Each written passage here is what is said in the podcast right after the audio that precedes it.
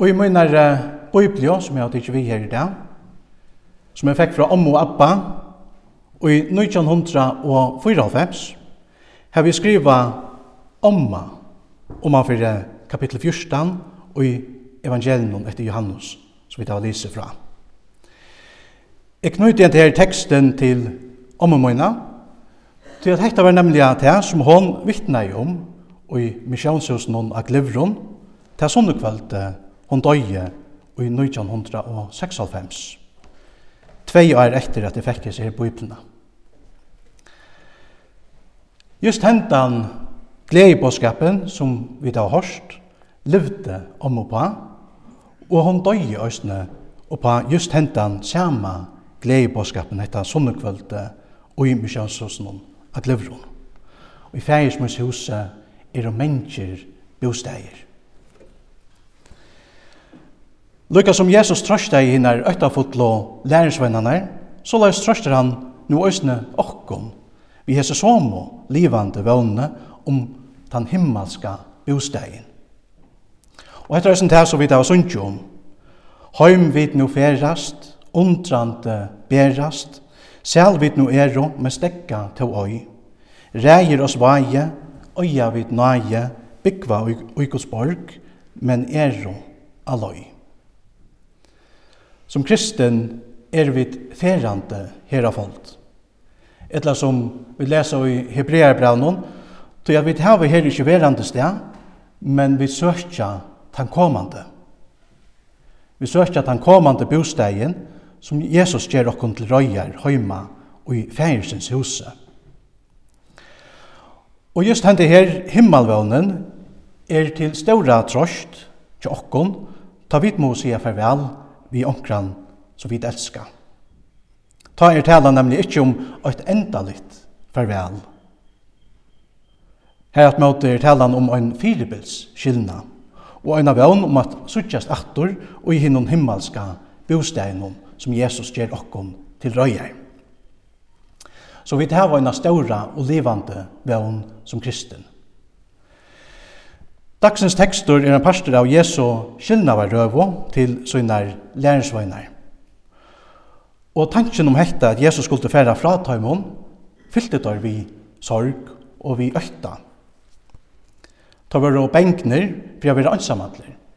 Ta var og benkner for å være svikner. Ta var du slepte øtlån og fyllte Jesus i etter bæge og i løyve og læro. Men om Jesus nu får fra taimon, var alt strøy så til fannytis. Det er innu i hendan, hendan øktan fyrir svitje og ønsemme at Jesus han talar til sine lærersvøyner og til okkom. Han talar til lærersvøynerne for jeg fylla tøyr vi vøvn, hevast han måtte færa fra tøymon. Men Jesus han lettar ikkje vera etter ønsamallar. Etla som han sier i 17 i samme kapitlen Jeg vil ikke lette at dere være etter fegerløsar. Jeg kommer til tikkere, sier han.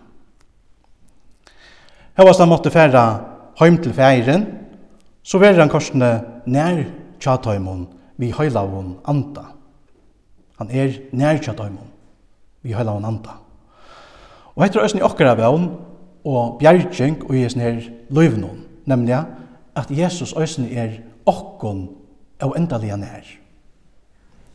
En ta i deg gjennom, for Jesus ikkje fra okkom. Nei, ta kjemmer han til okkom, og løyer okkom heim til den himmelska bostegen, som han har gjort okkom til røyer. Og i færismus huset er det mennesker bostegir, sier Jesus. Jeg sier Jesus til sjølvan himmelen. Alle disse bosteginer er bostegir til Tøymon, som i tøyra faldarløyve høttu Jesus byggvante og i tørra gjørstånd. Lykka som Jesus hever tilbygg vi en sted til lærersvennerne, så la oss hever han òsne tilbygg vi okkon en sted høyma og i himle. Og jeg tror at det er sjálfur Jesus som hever tilbygg vi okkon en bostad høyma tja gode, så kunne vi òsne lyta fullt og fasta at vi teva en evian himmelskan bostad, altså tja fram til. Ta vi tava sjálvan Jesus, byggjumastaran, byggvante og i okkara, gjørstum. Jeg fer bostur at tilbyggva sted fyrir tikkum, sier Jesus. Etta sama sier Jesus òsne vi okkom og i det. Jeg fer at tilbyggva tær og en sted. Og Jesus er sjálfur vevren inn til hentan stegin. Jeg er vevren og sannløyken og løyve. Ongen kommer til feiren, utan vi mer, sier Jesus. Så han viser okkom vegin inn til hentan bostegen som han ger okkom til røyer. Lærersveinene var og sorgarbondner og øytafotler, da Jesus han fortalte tøymon om sina løying, og at han skulle færa fra tøymon, heim til feiren. Men Jesus han taler bort inn i tøyra sorg, og øtta og sier disse årene, Gjersta tikkara, vær ikke øtta fullt. Trygg vi av god, og trygg vi av meg. Og i færesmøns huset er mennesker bosteier, vær det ikke så, har jeg sagt det kun til. Det er færre bostor at tilbyggva sted for tikkun, og ta og jeg er færre bostur, og heve tilbyggva sted for tikkun, kom i aktor og skal takka tikkun til mun, til tess, til tess at her som jeg er skulle òsne tidværa. Lykka som Jesus trøsta i lærersvennerne, så løs trøster han nu òsne i okkon vi himmelvånene, og hesson bostegnen som han er ferdig heim til ferden, at tilbyggva òsne til okkon. Og Jesus talar om at han skal komme attur og tekka lærersvennerne tilsyn til tess at her som er er skulle tid òsne vera, sier han. Og hetta sipar etter öllna døma til desløytna tja som høyra Jesus til. Ta kjemur Jesus til okkon og teker okkon til søgn. Det kan vi ståle på. Han er her, ta vi dodja, og teker okkra sval vissar inn i himmelen. Ja, Jesus han trøster okkon mitt i deianon og øktanon fyrir skiljast vi okkara kæro. Han trøster okkon vi bostein og høyma og himle. Her vid alt skulle være saman vi Jesus okkara frelsara og okkara kæro. Og herfyr neieråpe, etta neieråpe, ikkje færa fra mer. Etta neieråpe som så ofta jauar av folk, ångkantoi at jau atur, ikkje færa fra mer. Derfor ångkantoi at jaua her heima og himla. Ja, uh, mange av oss kjenner til denne her øktan, etta roaløse og essa sorgina som deien elver, ta onkra okkara og døyr. Så la sett og lærersvennerne da, øysene, ta Jesus tala i om syna borstofer, at han skulle færa fra tøymon. Ta er av oss, og sett og øyva øysene så et egna hjertans ikkje færa fra mer til Jesus. Men just ut eian hon og økta hon fyrir skilna i hon vi okra kæru, trøstar Jesus okkon vi er snir bostein hon høyma og himle. Og i fægismens huset er jo mennesker bosteier, sier han. Det er det østene at vi vil trunne Jesus kunne lytte av at vi en dagen skulle være samøynt vi okra kjæro og i fægisens huset. Og her fyr neier oppe ikkje færa fra mer, som sagt, ongkantøy at jaua attor. Nå tar vi talan her at møte om en evian himmelskan fellesskap nekka som værer i atlar æver, og som vi koma a gleast iver i atlar æver. Hette er det som Jesus han vil djeva okkon og i ståra kærløyga. Han viser okkon òsne hvordan vi koma hier og sier, Jeg er veveren. Jeg er veveren og sannløygen og løyve. Ønsken kommer til feiren, utan vi mer.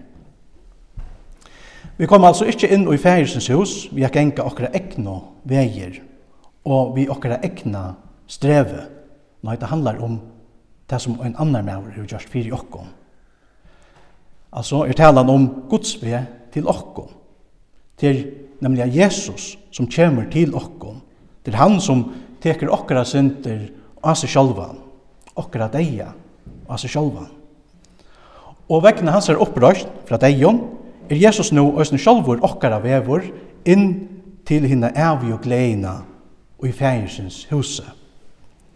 Tog er det òsne at dei fyrstu kristna opprunalig ikkje blei kallega fyrir kristen, men tei som høyra til vegin.